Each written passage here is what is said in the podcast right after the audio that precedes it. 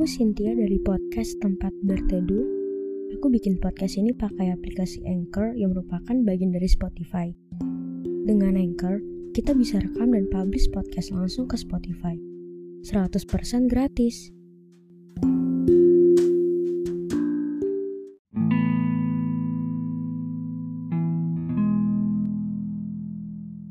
Ngomongin soal move on, perjalanannya tuh susah. Prosesnya itu butuh waktu yang lama. Mungkin bisa berbulan-bulan atau sampai bertahun-tahun. Tapi ada juga orang-orang yang bisa move on ya paling cuma seminggu atau enggak dua minggu. Ketika kita harus berjalan sendirian tanpa melibatkan siapa pun, karena alasannya gak mau buat orang baru itu terluka. Gak mau lagi nambah luka baru, jadi lebih memilih untuk sakit sendirian, kuat sendirian, hancur sendirian, bahkan jatuh sendirian. Move on itu banyak macam. Move on dari hubungan pacar, teman, sahabat, orang terdekat, atau mungkin sesuatu hal yang berharga yang kita udah pegang erat, tapi harus kita ikhlasin gitu aja. Orang-orang tuh selalu bilang, lu tuh move on kek, lama banget move onnya. Mereka nggak tahu aja proses dan perjuangannya gimana. Karena kebanyakan orang cuma mau lihat hasilnya daripada lihat prosesnya. Apalagi kalau move on dari hubungan yang berkaitan dengan toxic relationship.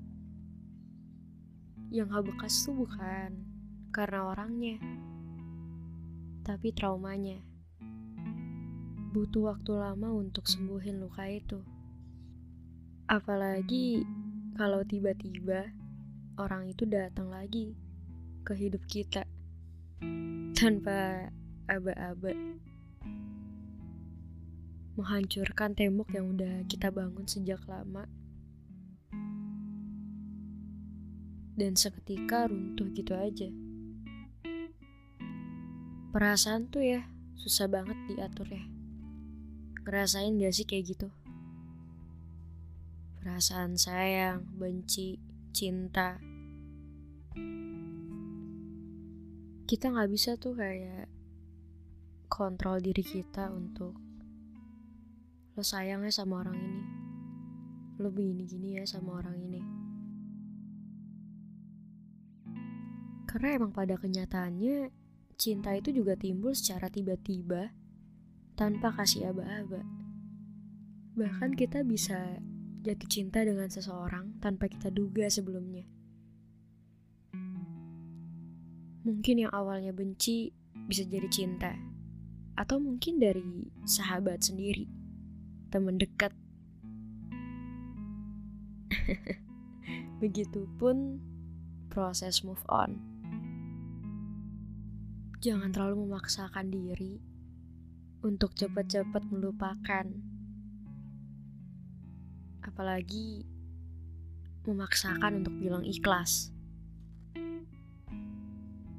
Karena yang aku tahu, merelakan seseorang yang udah lama di hidup kita tuh sama aja sedang membuat luka di diri kita sendiri.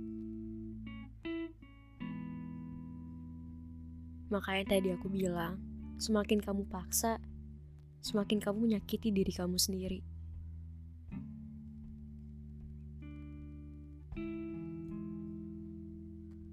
Beberapa hari yang lalu, aku buat question box gitu di Instagram tempat berteduh.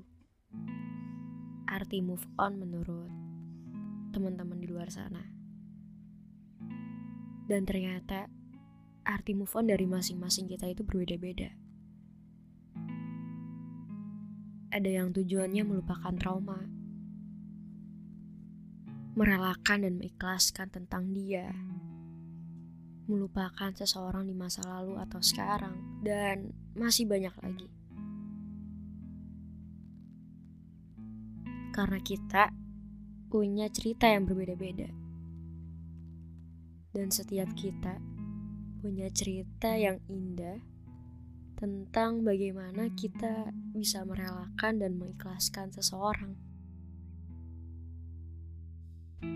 Aku punya beberapa cara ketika aku lagi berusaha untuk melupakan seseorang.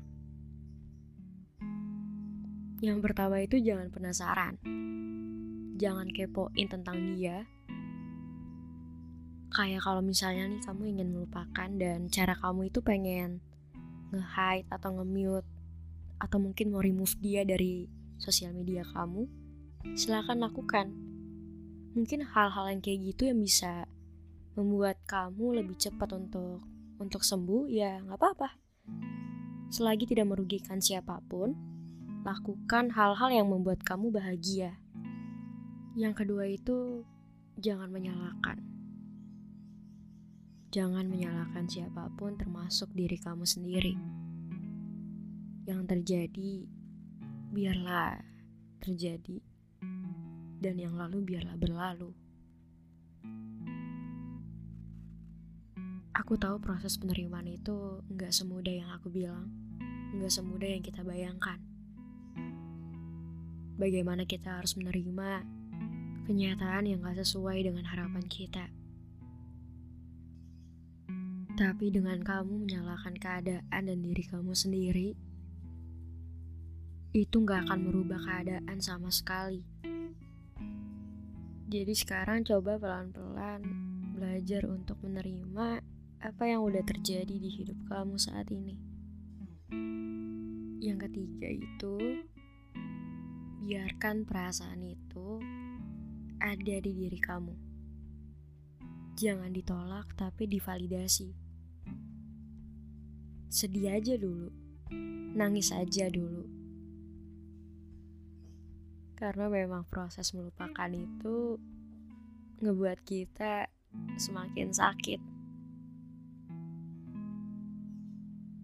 Ya gimana ya kayak kita harus coba ngelupain seseorang yang udah lama di hidup kita.